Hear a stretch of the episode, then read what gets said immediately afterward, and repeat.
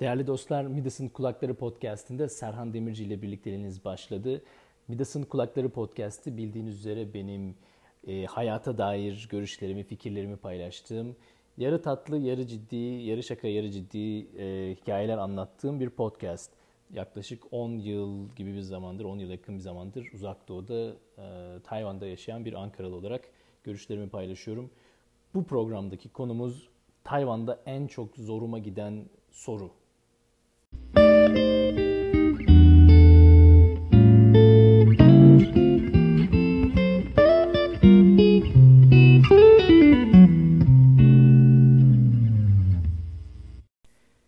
Tayvan'da tabii ilk zamanlar yaklaşık 10 sene önce e, Türklerle ilgili imaj da belki şimdikinden biraz farklıydı. Çünkü geçen 10 yılın içinde Türkiye'de de işler çok değişti.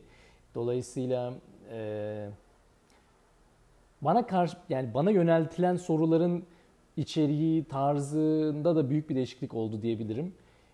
Eskiden daha ziyade gelen sorularda şu hissi alıyordum. Yani çok da bilmiyorlar.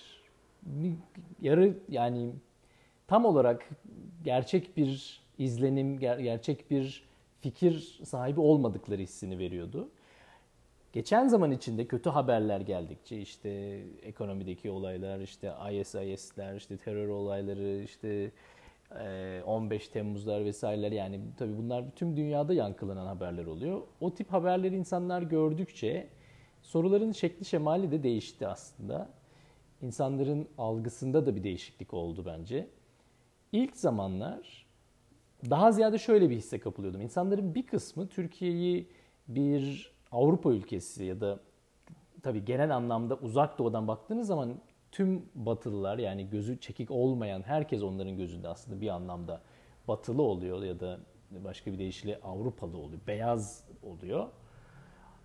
Böyle görüyorlardı. Dolayısıyla daha ziyade bir batılı e, bir ülke e, algısı vardı çoğunlukla. Ama bir grup insan da Türkiye'yi bir Orta Doğu ülkesi olarak biliyor ve öyle algılıyordu ve hani bir Orta Doğu ülkesinin imajı içinde bazı sorular geliyordu.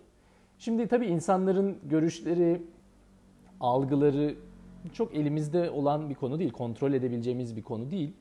Ben oldum olası fikir denen yani opinion İngilizcesi şeylere çok fazla e, ağırlık vermem, önemsemem. Yani ya da şöyle söyleyeyim, bunun üstünde çok takılmam. Bir insanın ülkem hakkında ya da benim hakkımdaki görüşü e, ona aittir. O beni bana ait bir şey değildir. Ve o yüzden çok e, bunu düzeltmeye de çalışmam ya da e, bununla ilgili herhangi bir alınganlığım olmaz. Dolayısıyla hani en zoruma giden soru bugünkü konumuz. Bana sorulan sorular için en ağırıma giden dediğim zaman aslında bu biraz bir, bir clickbait bir soruydu aslında. Çünkü çok da umurumda değil. Yani o kadar da ağırıma giden bir konu değil. Ama beni en çok e, rahatsız eden diyeyim e, soru ve bunu e, az duymadım yani birçok kere duydum. O da şuydu. Babanın dört tane karısı var mı? Ya da dört tane kadınla evlenme gibi bir vuku mevzu var mı sizin orada sorusu bana çok zor geliyordu. Çünkü bir kere her şeyden önce konsepte karşıyım yani ve e, hani Türkiye'nin böyle bir algıyla içinde yani baban ya da işte neyse dört tane kadını evle, ele, evine alıyor mu gibi bir soru bana o yüzden çok böyle hani yok artık e, karşı bir tarzı bir e, geri dönüş bir cevap verme hissi uyandırıyordu. Bu bana zor gelen sorulardan biri. Ama şöyle bir şey daha var. Aslında bu sorunun benim ağrıma gitmesinin temel nedeni bu soruyu soran kişiler de genelde böyle bir espriyle soruyor. Yani hani ee, diyerek soruyor yani. Ee, babanın dört tane karısı var mı? Ee, yapıyor. Şimdi bu arada buna sinirlenmem yani espri yapıyor olmasına sinirlenmiyorum ama yani ulan dingil sen dön de kendi götüne bak yani demek geliyor içimden. Çünkü örneğin Çin kültüründe özellikle de 19. 18. 19. yüzyıl e, geç dönem Çin e, hayatında İngilizce concubine deniyor. Türkçe'ye e, cariye diye çevireceğim ama hani cariye çok doğru bir kelime değil ama kapatma belki bilmiyorum ayıp bir kelime mi ağır bir ifade mi olacak ama bir kavram var. Evde özellikle de ekonomik durumu iyi olan evlerde ev evin reisi olan kişi kendi gerçek karısından ayrı olarak gidiyor bir de genç bir hanımefendiyi eve alabiliyor ve bu çok yaygın da olan bir uygulama olduğu biliniyor. Özellikle Şangay gibi böyle zengin ve Hong Kong gibi Şangay gibi zengin ticaret şehirlerinde birçok zengin ailenin evlerinde evin reisinin hizmetinde olan ve ne ne nasıl bir hizmet ya da nasıl bir amaçla orada bulunduğu malum e, güzel hanımefendilerin olduğu da gayet bilinen bir şeydir. Yani bana böyle yapan adam ona o yüzden sinirli, o yüzden zoruma gidiyor. Yani sanki bir tek bizde varmış gibi. Lan sen kendi kültüründe var bu. O anlamda bana e, ağır gelen ya da bana e, biraz koyan e, soruların başında bu dört tane eşi var mı babanın e, sorusu geliyordu.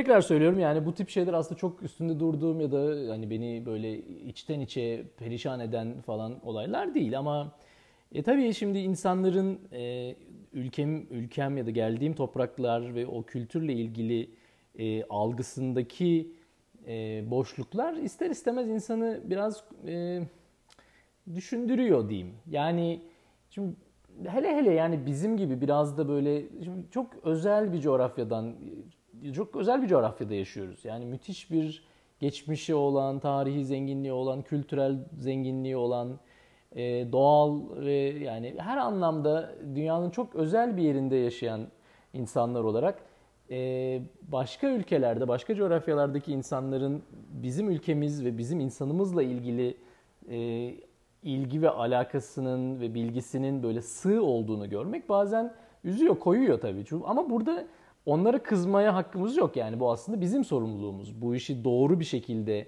e, paylaşamadığımızı, kendimizi doğru bir şekilde ifade edemediğimizi e, gösterdiği için bunun sorumluluğu yani e, kendimizde olmalı diye düşündüğüm için de biraz üzülüyorum. Aslında onlara kızıyor değilim. Özellikle Tayvan'da işte Türkiye denildiği zaman insanların aklına güzel bazı görüntüler geliyor. Özellikle işte Kapadokya'daki bu sıcak hava balonu vesaire yani hani böyle güzel imajlar insanların aklına hep geliyor. Ama mesela hani son kapatırken biraz da komik bir örnek olarak bir şey ifade edeyim. Ee, Tayvan'da ve zannediyorum birçok e, uzak doğu ülkesinde de aynı şey olsa gerek.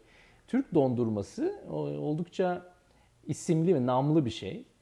E, dondurmanın bu böyle işte bizim biliyorsunuz Manoş usulü hani böyle şakalı işte veriyor vermiyor gibi yapıyor, veriyor gibi yapıyor, vermiyor, oynuyor, şangır çungur işte zillere vuruyor bilmem ne yapıyor falan ya.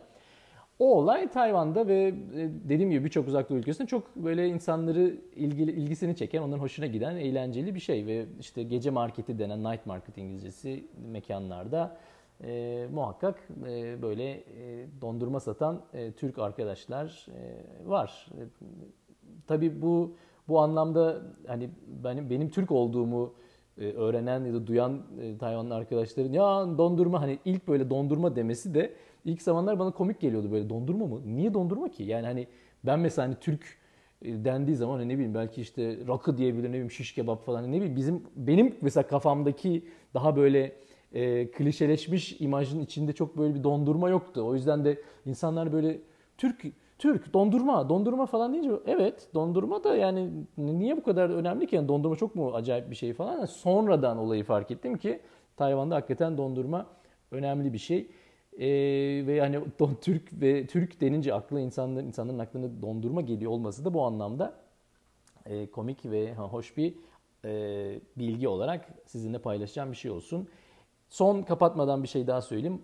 Çoğunuzun malum olduğu üzere bildiği üzere e, Tayvan'da eşimle beraber yaptığımız bir kahve e, işimiz var. Yani bir kahve sektöründe çalışan bir e, durumumuz var. E, daha ziyade kahve kavuruyoruz. Kahve yani ticaret tarafında çok coffee shop denemez. Yani kahvehaneden daha ziyade kahve ticareti gibi bir şey yapıyoruz. Ama e, Türk kahvesi de bu anlamda bizim son dönemde özellikle çok üstünde durduğumuz ve bas yani ne denir e, promote ettiğimiz de insanlara tanıtmaya çalıştığımız bir şey. E, yakın zamanda e, Tayvan'da özellikle e, Türk kahvesi giderek ünleniyor. E, bundan dolayı da çok keyif alıyorum ve mutlu oluyorum. Bir, bir miktar da olsa işin içinde bizim de ekmeğimiz, ekmeğin içinde bizim de tuzumuz olduğu için de e, bir, bir taraftan keyif alıyorum. Evet, bugün e, dediğim gibi Tayvan'da beni rahatsız eden e, soru nedir, e, beni rahatsız eden konu nedir sorusuna bir cevap vermeye çalıştım. Umarım sevmişsinizdir. Birazdan da kapatıyoruz.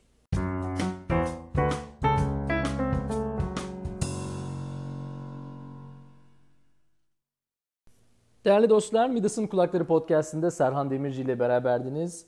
Ee, Midas'ın Kulakları Podcast'i benim hikayeler anlatarak insanların kulağını eşek kulağı gibi şişirdiğim bir, gevezelik yaparak e, insanların kulağını şişirdiğim bir podcast.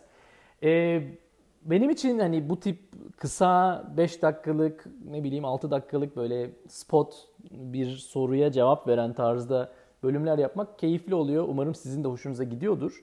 Ama bununla beraber ufak bir ricam olacak dinleyenlerden.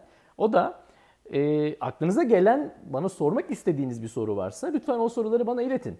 Çünkü e, ben hani kendimce aklıma ya belki şundan bahsedilebilir diye düşünüp çıkardığım bir e, kaba bir listem var ama e, benim aklıma gelmeyen bir şey olabilir. Sizin aklınıza gelip merak ettiğiniz ya Serhan şu nasıl oluyor bir anlat bakalım dediğiniz bir şey varsa bana çeşitli ortamlardan, Facebook'tan, Twitter'dan vesaire ortamlardan lütfen yazın e, sorularınızı yanıt, yanıtlamaya çalışayım. E, bu vesileyle hepinize tekrar çok teşekkür ediyorum. Hepinize sevgiler, saygılar sunuyorum. Bundan sonraki bölümde görüşünceye kadar hoşçakalın. Bay bay.